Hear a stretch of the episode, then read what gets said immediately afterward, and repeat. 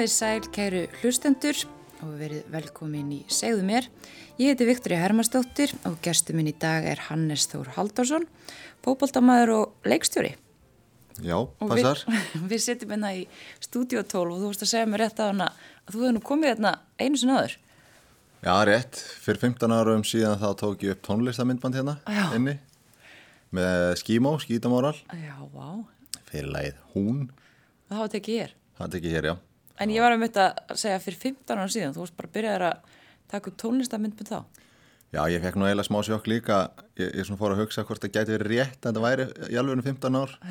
2005, það er 2020 núna, þetta er við staðrind. Já.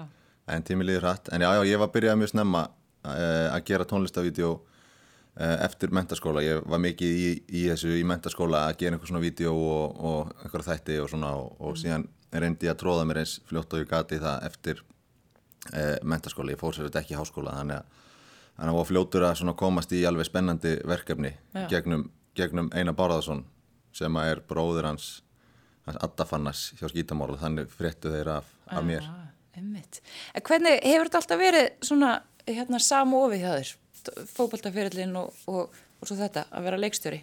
Mm, já, það hefur alltaf verið það síðan að, síðan að ég útskrifaðist úr menntaskóla og náði mér aftur á stryk sem fótboltamaður sem að var ekkit, það var ekkit endilega, það stemdi ekkit í það á tíma. Því að ég var, hérna, misti úr alveg fimm ár í fótbolta svona mjög mikilvæg ár meðan maður er að þróast frá 14 til 19 ára. Þannig að í mentaskóla er unni vissu vinni mínir ekkit að ég væri fótboltamaður og Nei, ok. og ég var ekkert að æfa nynnu viti og var þú veist í leikni sem var svona lítið lít bara einhvers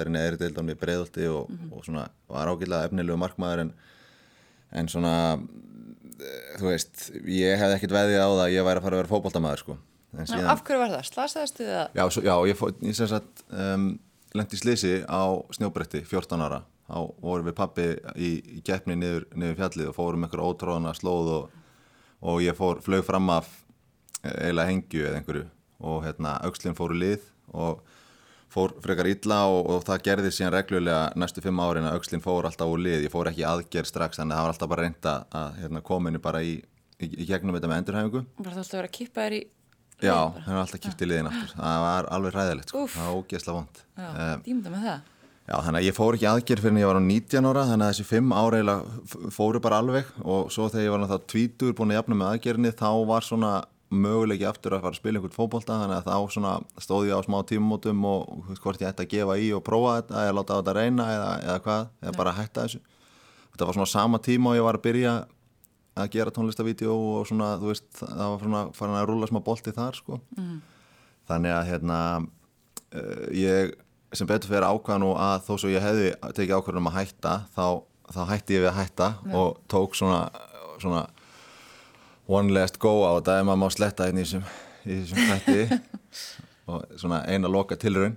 Og, og það sem betur fyrir hérna gerði það því ég sé ekki eftir því að Það borgaði þessi aldeilis.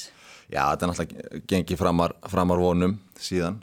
En, hérna, en, en frá því að ég byrjaði þá, þá var ég alltaf að vinna í kvikmyndaverkefnum á kantinum og í rauninni fullri vinnu þar. Og þannig að ég svona ákvæði rauninni bara að, að bara stíga bensinni í botna á báðum stöðum og sjá svona hvort myndi enda ofan á.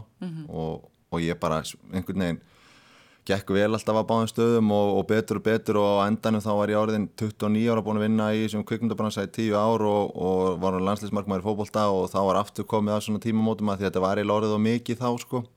Og þá fekk ég tækifærið að fara út í atvinnumennsku og, og þá, þannig ég lagði þá kvikmyndabransan aðeins á hilluna og við tókum hana fjölskyldan einhver 5-6 ár að flakki um, um Evrópu þar sem ég, ég spilaði úti og, og svo er ég bara nýkomin heim núna fyrir ári síðan og er í rauninni byrjaður komin að bólaká aftur í kvikmyndagerðina með fótboltan. Já, þannig að svona, ert, ert svona ákveðin tíma út þegar þú snýrið aftur heim.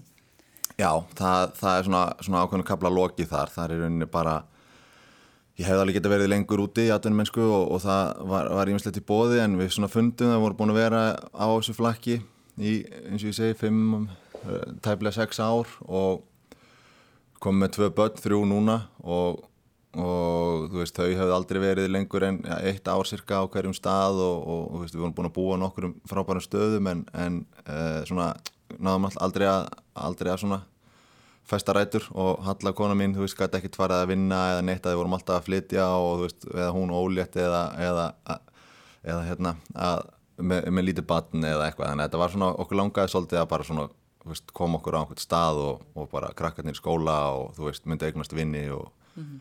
og svolítið, þannig að það var alveg okkur leið bara þannig að okkur langaði að koma heim. Mm -hmm. Festa rætur. Já. Já, en fyrir vikið þá náttúrulega er aðdunum man, að manna ferillin búinn þannig að Var það ekkert erfið ákvörðun að taka? Mm, eiginlega ekki sko ég var alveg ég var alveg svona, mér hætti alveg verið búin að fá allt út úr honum sem ég þurfti þú veist, það var svo það var svo langsótt að ég væri farið að að er í fókbalta og þegar ég, mér tókst lóksins að kom, komast út þarna 29 ára frá K.R. fer ég til Sandnes Ulf sem er lítið liði í, í Noregi og, og það í rauninni var bara algjör stór sigur fyrir mig svona með við aðstæður þetta er svona allt svolítið afstætt, veist, með að við bara hvernig þetta þróast hjá mér var það stórsigur að spila fyrir Sandnes Úlfi í Noregi en mm -hmm. ef að til dæmis Gilvi Sigursson hefði verið 29 ára að spila fyrir Sandnes Úlfi í Noregi þá hefði eitthvað stórkoslegt klikkað á hans ferli sko þannig að það bara, þetta fer svolítið eftir hvað hann varst að koma sko. Já, já. Um, Þannig ég var mjög ánægð með það en, og í rauninni allt eftir það hugsaði ég bara sem bónus fyrst mér tókst að komast út og upplifa það að vinna við fókbólta, það var eiginlega alveg nóg fyrir mig þannig að mm -hmm. ásíðan að búa til sex ára feril úr þessu og spila í fjórum löndum og, og, hérna, og bara upplifa frábæra tíma veist, ég, eins og ég segja, hefði ekki þetta tekt þetta en ég var, mér fannst ég alveg verið að svona, svona ná kreista drópan úr þessu og ná út úr þessu því sem að, sem að ég vildi. Ertu svona útpæltur, pæluru í öllu sem þú gerir? Hljómaði þannig, hljómaði þetta eins og einhver svaka pælingar Þú tekur svona, þú tekur svona þú tekur ákvarðanur um það sem þú ætlar að gera. Þú tekur ákvarðanur um að, að fara í þennan uh, fókbóltafyril mm -hmm. taka það allaveg og hafa kvikmyndafyril líka. Þú veist, þetta, er allt svona Já, pælir alveg í hlutunum? Ég held það svolítið sko. Ég, ég veldi, veldi hlutunum ekki fyrir mér og mér finnst Lang, ég vil, reyna, vil hafa svona, svona stjórn á, á aðstæðum svolítið sko, fyrst óþægilegt þegar ég missi tökin á því eða þú veist svona eins og til dæmis þegar ég fór út, til, út í Azerbaijan og spilaði þar, mm. það er bara allt annað kultúr og það er einhvern veginn verðið maður, það er maður svolítið meira trítaður bara eins og eitthvað svona fókbólta vélmenni sko, mm. það sem maður er bara sagt að mæta og það er volítið talað og maður er ekki hafið með ráðum og það er einhvern veginn, maður ræður sér ekkert sko, Já. það er svona það, það á ég svolítið erfitt með þá fer ég alltaf að hugsa einhver plön fram í tíman og inn í framtíðina og einhvern veginn reyna ná utanum, utanum aðstæðarnar mm -hmm. og þannig að ég held að setja að lesa mig ákveldlega þarna ég... Skipulaður? Nei, reyndar ekki Ekki skipulaður? Ekki, ekki skipulaður Ég er frekar óskipulaður og, og svona, svona göstlast svolítið áfram sko mm. og tek bara svona, svona einhvern veginn ákvarðanir eftir, eftir einhverju tilfinningu sko en, en, en samt búin að hugsa, að ég veit ekki, þetta er einhver skrítið blanda, ég hugsa mikið, pæli alls konar hlutum með áhugjur af hinn og þessu. En ég síðan er ekkert að búa til en Excel-skjöl um svona það sem ég ger ég síðan bara yfirleitt hendiði mér áfram og tek einhverjar ákvarðanir. En Hannes, hvað, hvaðan ertu? Hvað rálstu upp? Um, ég, ég er svona, ég myndi segja að var aðal úr bregðoltinu því að við fluttum, en við byggum í Svíþjóð frá því ég var 3-6 ára og, og það var mjög skemmtilegu tími. En svo fluttum við heim uh, ég var í nokkra mánu í Vesturbænum og, og hérna fluttum svo í Breðaltið þegar ég var 7 ára. Og þar voru við alveg, alveg öll mínu upp, uppvakstar ár þannig ég var hérna í fellaskóla og leikni. Frá því ég var 7 ára þá til að ég var ára 20 þá hætti ég leikni og, og náttúrulega 15 ára í, í fellaskóla. Mm -hmm. Hvernig var allast upp í fellanum? Það var bara ótrúlega gaman sko ég, hérna, fellin náttúrulega hafa svona einhver, þú veist ákveðin stimpil á sér mm -hmm. og, og það er eitthvað sem ég bara fann aldrei fyrir þegar ég var aðna sko. þetta var bara vennilegt hverfi fyrir mér og, og bara mér leiði ótrúlega vel aðna áttu fullt af vinnum og, og bara bara mjög, þú veist, fínt í alla staði sko. mm -hmm. Var vel skipilagt og skemmtilegt hverfi að mörgu liti Já, já, bara fella sko, mér þykki væntu bara enna tíma og, og einhvern veginn þessa Já, bara æskan í fellunum var bara mjög fín. Við fluttum síðan 13 ára í seljakverfi þannig að ég svona fekk líka, þú veist, svona, hvað ég segja, upplýði það líka í seljakverfið. Fór í eitt ár í seljaskóla og fór enda tilbaka aftur í fellaskóla því að einhvern veginn kunni betur við mig þar. En hérna, þannig að þetta er bara fínasta, fínasta hverfi, breiðaltið og, og ég bara hef ekkert nema góðar minningar þaðan. Er þetta hérna, áttu svona þína æsku vini þá úr fellunum? Já, það er uh, ég er svona, er svona á tvo vinahópa í rauninni og það er annar er úr fella, fellaskóla og leikni og, hérna, og síðan er, er hinn hópurinn úr Vestló og, og hérna þannig að, þannig að æsku vinnir mínir eru, þú veist, ég kynntist þeim bara þegar ég var, þú veist, svona 7, 8, 9 ára, eitthvað svo leiðis. Og haldið alltaf hópin? Já, já, við gerum það. Við hittumst, hittumst reglulega og erum, erum góða vinnir. Mm. Og er ekki, hérna, svona sérstöku upplöfun að þegar þú varst að spila fyrir leikni, þetta er ekki svona meiri stemming í svona litlu hverfi? Uh, jú. Fólk er ekki svona... Er sko, þetta var allt öðruvísin alltaf þegar ég var að spila fyrir leikni bara ekki þetta líkaði saman að vera að spila um, í einhver svona litlu hverfisliði sem þetta var þá með vinum sínum um, versus það að vera að spila til dæmis atvinnumannafóbolta eða eitthvað með landsliðinu þetta er bara tvent ólíkt en, en hérna, ég enda náði aldrei náði mér aldrei á stryk beint fyrir leikni sko að því að ég var út af þessu sem ég var að segja frá áðan. Mm -hmm, Það slísinu Já, þú veist, ég var allavega svona þegar ég var fann að nálgast meistarflokk þá var, að, þá var ég ekki, þá var engin taktur í svona mínum fókbaltaferli þannig að það var ekki nema þegar ég var ungur sko þá, þá náttúrulega var ég að bóla kafi í þessu í leikni og, og, og þú veist, bara gekk mjög vel en, en síðan, síðan þegar að nálgæðist mestralokkin þá var þetta alltaf bölva bras og, og svona, ég, þannig ég einhvern veginn náði ekki alveg þessi að upplifa þessa svona tilfinningu einhvern veginn að spila með leikni og finna velgengni en þú veist það var rosa tilfinningar í, í þessu félagi og svona veist, það var uppgangur á þessum tíma þeir voru að fara úr því að vera bara svona einhver, í einhver svona litlum bílskur uh, í, í það að stekka og er, er, er mjög svona stöndugt félagi í dag og um, og það var þannig að liðið var að veist, það gekk vel að vera að fara upp um deildur og svona það voru rosalega tilfinningar í, í félaginu og, og svona þú veist ég hugsa að ég sko þekki ekki jafn blóð hitta stuðningsmenn eins og, eins og þú veist sumir af þessum stuðningsmennu leikni sem ég þekki. Það er alveg þeir bara lifa og, og hrærast fyrir, fyrir félagið. Já, það er svona svolítið hjarta í hverfinu. Já, Já. En varstu alltaf í fókbólta, Rós Lítill? Já, ég var alltaf í fókbólta ég var uh, bara alveg frá því ég mann eftir mér sko. Bara þryggja fjögur ára þá var ég alveg að bóla kafi í þessu og, og alveg sjúkur í að safna fókbóltamyndum og mark markmannshanskum og, og öllu þessu og var alltaf út í fókbólta endalust þannig að það var alveg, alveg þannig sko. Varstu strax orðin markmaður?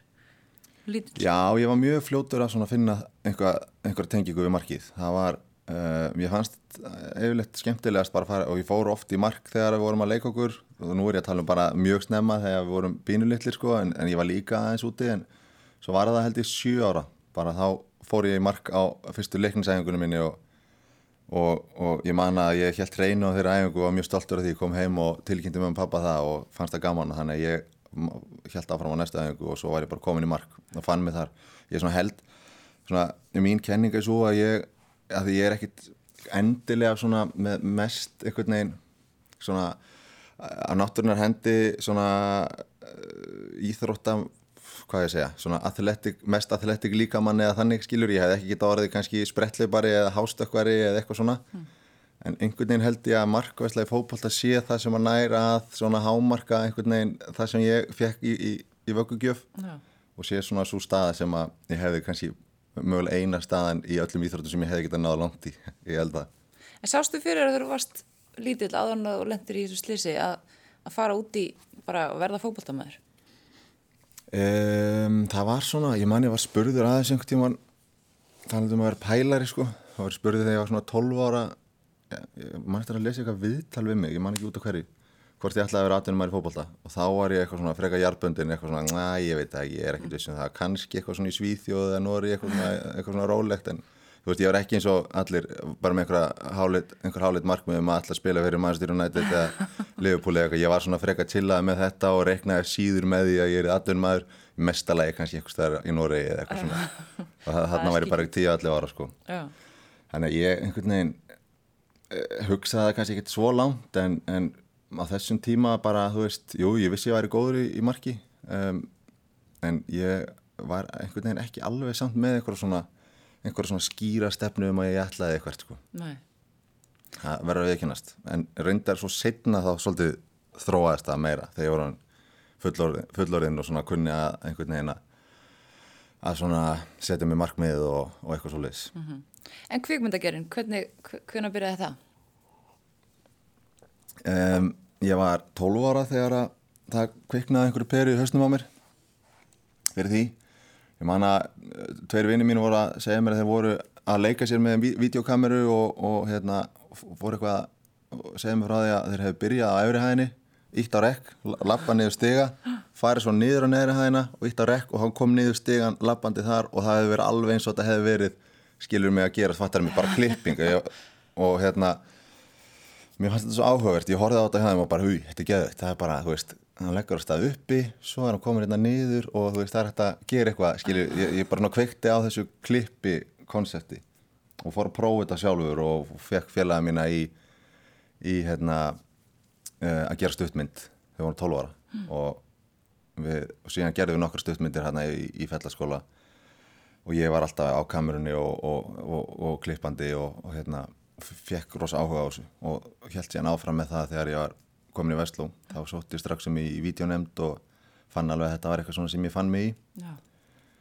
og í rauninni satt og, eða, veist, og, og svona syndi ek, ekkert náminu í Vestló að neinu viti og var eiginlega algjör, algjör tossi þarna í, í Vestló sko verður að segjast af því að ég var svo mikið í nefndakjallarannum að klippa og, og ég, alveg, ég gleymi mér alveg gjössanlega þegar ég setur saman uh, tölvu og er að klippa þú veist þá bara líða klukkutíman er bara eins og sekundur sko. Og kluk, klukkan er orðin þrjú fjögur um nótt aður en, aður en ég veit af. Mm -hmm.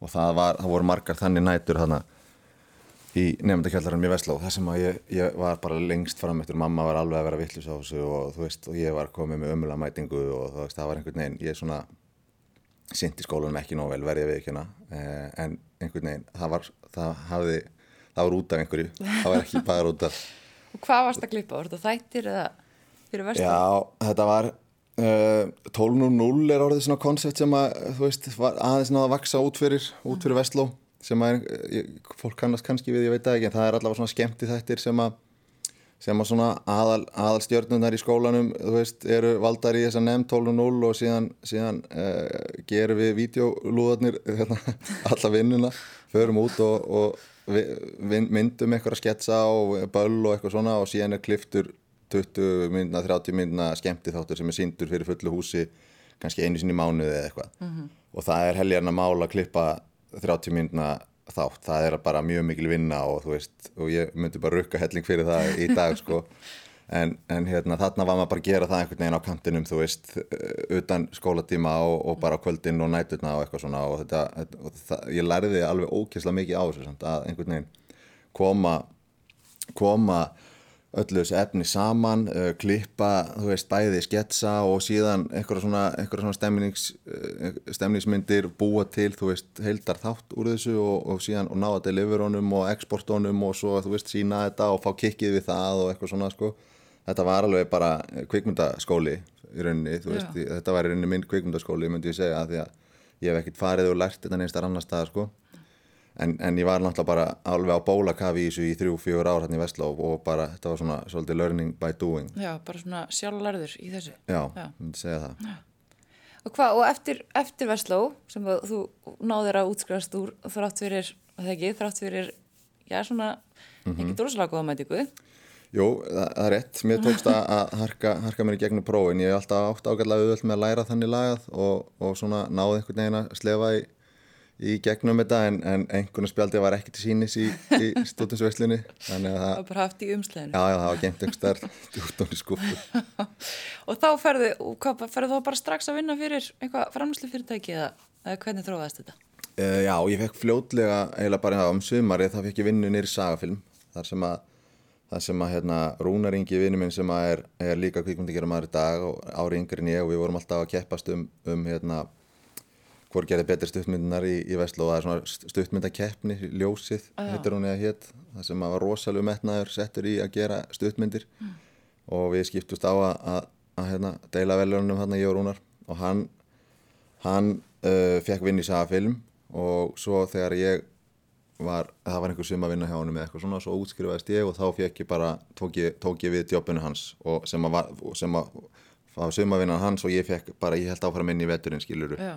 sem bara þú veist, algjör svona hvað ég var að segja, bara snattari skiluru, eða þú veist, bara búið til kaffi fyrir leikstjórarna og, og, og hérna ég var hérna á einhverju svona eða, þetta var alveg hræðilegu dýl sko. Ég var á, á, á launum sem að sem að hérna var örgulega bara fréttamál í dag þeir voru svo lág.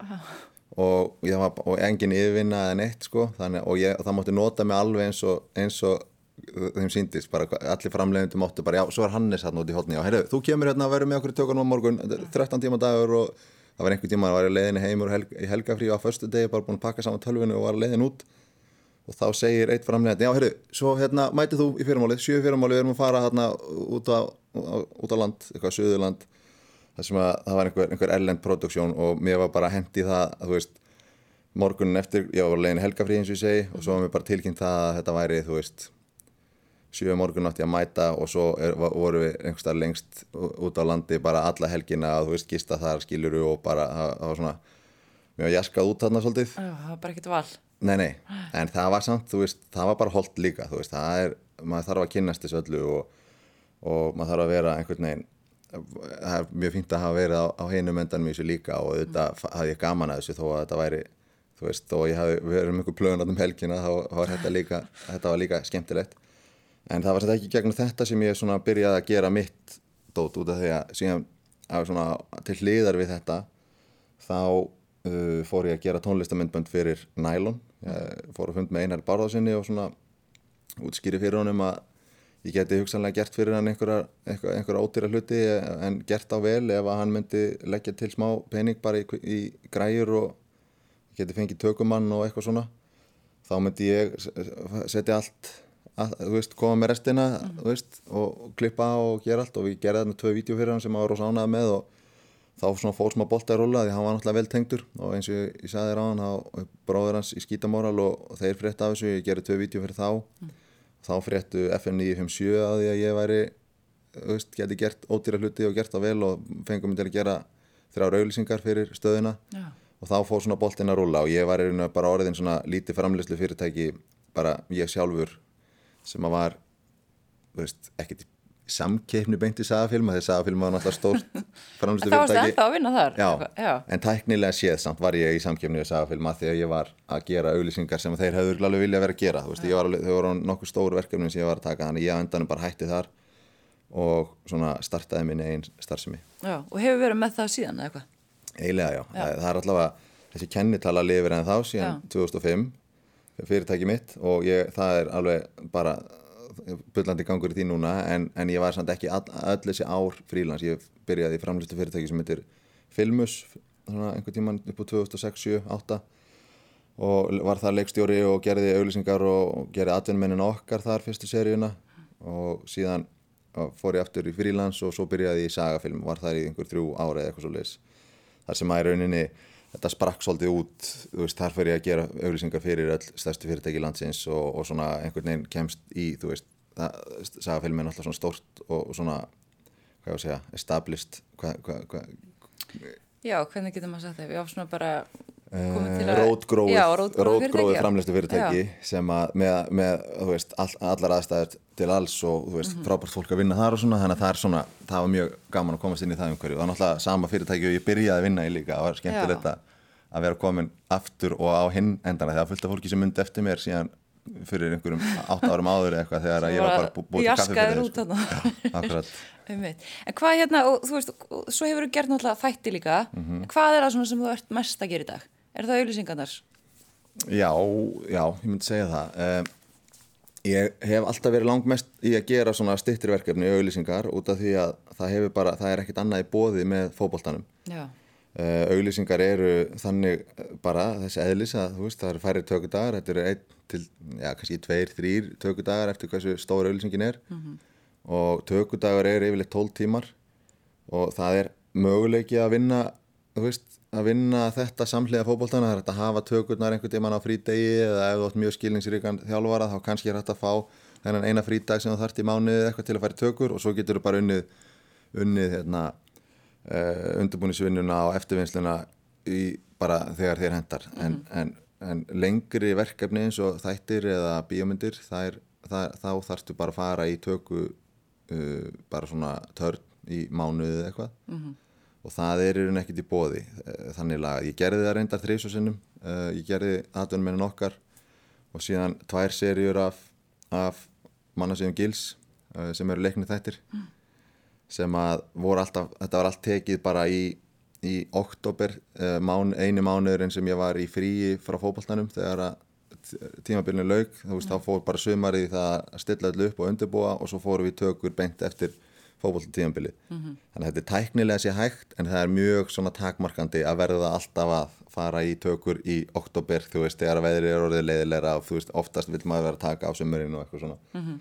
Þannig að ég hef í rauninni bara svona, það hefur ekkert verið neitt val, ég hef bara, ef ég ætlaði að vinna í þessu, þá voru auðlýsingar bara það sem að, það sem að uh, ég, þú uh, veist, svona einhvern veginn endaði í, en ég hef samt mjög mikið gaman að því líka, þetta er svona skemmtilegu miðill og, og svona verkefnin kom og fara fljótt og maður þarf ekki að, veist, maður þarf ekki að algjörlega sökva sér í, í marga mánuði í, þú veist, hvert verkefni, þannig að þetta er fjölbreytt og skemmtilegt og, og maður getur æft sig á alls konar, en ég hef samt hug á því að færa mig yfir í, yfir í stærri verkefni og meiri sögur þegar, að, þegar ég hætti fókbólta. Þegar þú ert búin að setja skona á hilluna? Já.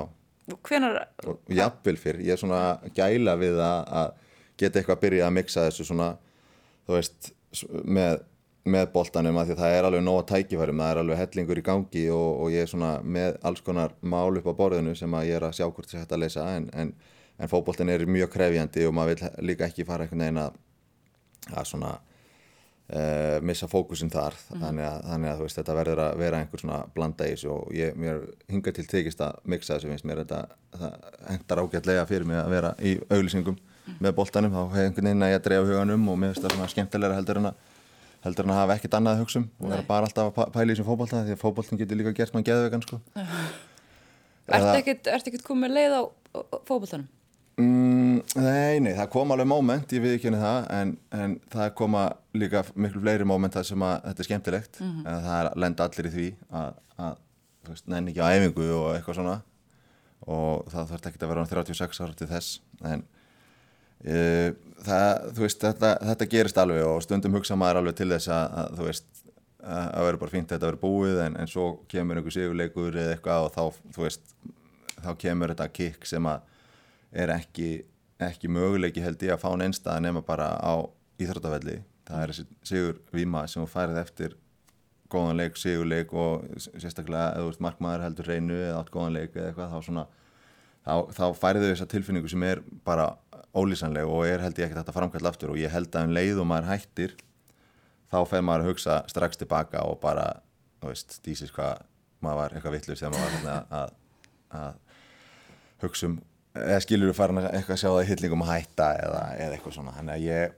ég held að ég held að þetta grasi er alltaf græna hinnum einn og maður, maður svona, þú veist þegar maður er að bóla kafi í boltanum þá koma mómenta sem maður verður þreyttur og svo um leiða maður hættir held ég að maður eftir að fara að sakna þess alveg um leið sko. En er, var ekkert erfitt eftir að það komið heim eftir heimsmyndstaramótið, hvernig var að upplifa sig, þú veist að koma til Íslands eftir þetta allt saman, þið voru orðinær bara stórstjörnur, var þetta ekkert skrítið? Jú, svolítið sko. Það var það alveg og, og svona sérstaklega einhvern veginn maður svona upplifir þetta ekkert úti. Veist, það er bara hérna á Íslandi það sem að það eru rosa og sérstaklega þessum tíma náttúrulega þetta, þetta veist, var þetta alveg ekstra mikið kringum Evropamótið og, og heimsmeistaramótið og svo byggum við úti þannig að veist, bara í þessu, þessu veist, skipti sem við komum heim þá fann maður það alveg greinilega að, að hérna, fólk hafi áhuga og, og, og vildi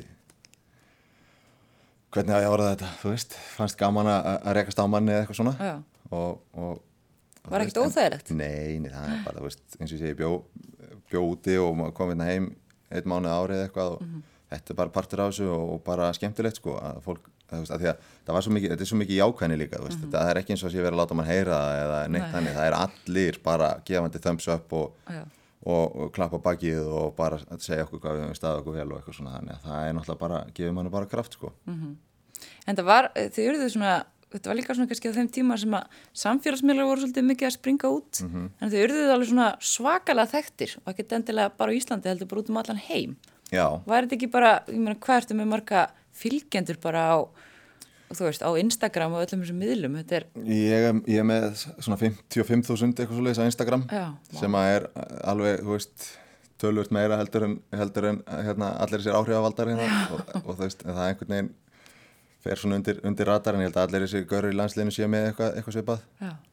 Uh, að Fylgjur þessu ekkert áreiti að utan eða neitt svoleiðis? Nei, myndur ekki segja það. Það þú veist, kom alveg skilabóð reglulega og þú veist hérna, en ekkert sem að er eitthvað bögg sko, það er ekki nema þegar að við hana, lendum í þessu Tyrkja æfintýri þarna fyrir síðasta leik það sem að, það sem að innbóksin hjá okkur öllum alveg svoleið stút fylltust af einhverju viðbjóði Já, með Já. þá bara, þá kom þá er náttúrulega búa margir hann í þessu landi sko, Mhm. og, og, og þetta er blóðheit þjóð Það er 80 miljónir eða eitthvað sem búa þarna Mhm. og það varði einhver svona múessing stemning sem að við erum bara óvinsælustu menn landsins Já, og það alveg svoleiðis dældist viðbjóðurinn yfir okkur sko já. Það er ekki verið þægilegt. Nei, en, en, en gerði það þeim mun sætara þegar við síðan þegar við síðan hérna pökkum þeim saman á, á, á vellinum en, en uh, það var bara, nei, nei, það var ekkit, ekkit gaman en við við uh, þú veist, þetta, þetta hafði ekki djúb áhrif á okkur samt sko Nei, fylgir það, fylgir þið ekki svona aukin ábyrða að, að vera orðin svona þekktur? Þú þarfst að haga þér eitthvað öðru sig að passa upp á það? Já, já, maður þarf alveg að, að, að hugsa um, um uh, það sem maður gerir sko og þú veist, ekki spurning, ég meina ég, ég passa upp á, upp á uh, bara í mörgum aðstæðum þá þarf maður að, að, að þú veist, pæla í hvort það sé einhverju símar á lofti eða hvort það sé hitt og þetta skilur ég að hvað maður segir opiðberlega eða eitthvað, þú veist, maður, það er svona þannig stemning líka svolítið í dag að það má voða lítið segja á þess að maður sé hangaður á því sko. Þannig að það, það getur vel verið að það veri eitthvað úr þessu viðtalið hérna tekið og, og ég lendi einhverjum vandræðum út af því en ég er að reyna að fara valega Úrstu alveg á bremsunum bara? Nei, ég segi svona, nei, nei, en þú veist auðvitað verður maður eitthvað aðeins að já, já, þú veist maður, maður passa sig bara, það er, þú veist það er bara svo leis, ekki það, ég ætla að hérna einhver rockstjarna eða eitthvað en, en þú veist eins og segir, þetta, þetta, þetta var alveg orð, svona, þú veist við, maður fann alveg fyrir því þegar að, þegar að Það var rosalega stórt. já, þetta var það Og líka bara þetta litla land og allt þetta akkurat, var svo mikið einhvern veginn úr þessu, var svo mikið fár. já, og svona allt svona einhvern veginn, allar sögur innan úr landsliðinu eða þú veist, allt sem að maður hafði að segja, þú veist, þóttu ógslag áhugavert og það var, verður, getur, getur mjög hratt orðið að einhverju, einhverju slúðri eða eitthvað, maður svona passa sig að vera ekki, þú veist, að því að þú ert einhvern veginn inn í ringiðin á, eða þú veist, að þú ert bara í einsta ring, þá, þá svona upplifir maður ekki alveg kannski stærðina í þessu, þú veist, þegar maður er að spjalla bara við, þú veist, Aron eða Gilva eða eitthvað, þú veist, þá er þetta, það, það er, verður svona hverstaslegt þegar þú ert, ert í svona, eins og ég segi, einsta ring, Já, en maður átt að segja ekki alltaf alveg á því hvað, þú veist, en allt sem hann er að segja við mig er alveg ógeðslega áhugavert ef ég segi einhverjum öðrum það, sko, eða þú veist, þegar, þú veist, að að þetta er, þegar, þegar eins og landsliði var svo heitt hana, að, að þú veist, maður þa- þarf að passa það að maður svona gleymið ekki alveg hvað einhvern veginn þetta er allt uh, djúsi einmitt, dýrmættur upplýsingar. Einmitt. En hvað hva ertu að gera þessa dagana, núna? Fó- spila á fullið ekki? jú, nú erum við það er komin fjóri leikir sem við erum búin að spila með, með val Íslandsmótið farið að staðlóksnis og svo er bara búið að vera nóg að gera í, í kveikmyndabransanum um, ég gerði hérna auglýsingu fyrir Íslandsbanka um daginn fyrir með Steindat Junior sem var, var alveg svona alveg svona monster auglýsing í rauninni á íslenskan mælikvarða. Hún, hún, þú veist það voru fjóri tökudagar og mörg hundur mann sem að koma að henni og svona eh, bara mjög krefjandi og stór eh, svona framleysla og svo gerði ég vídeo fyrir KSI sem að vakti, vakti bæði lukku og, og, og umtal og, og ekki lukku Já. sem kom út núna um daginn Já.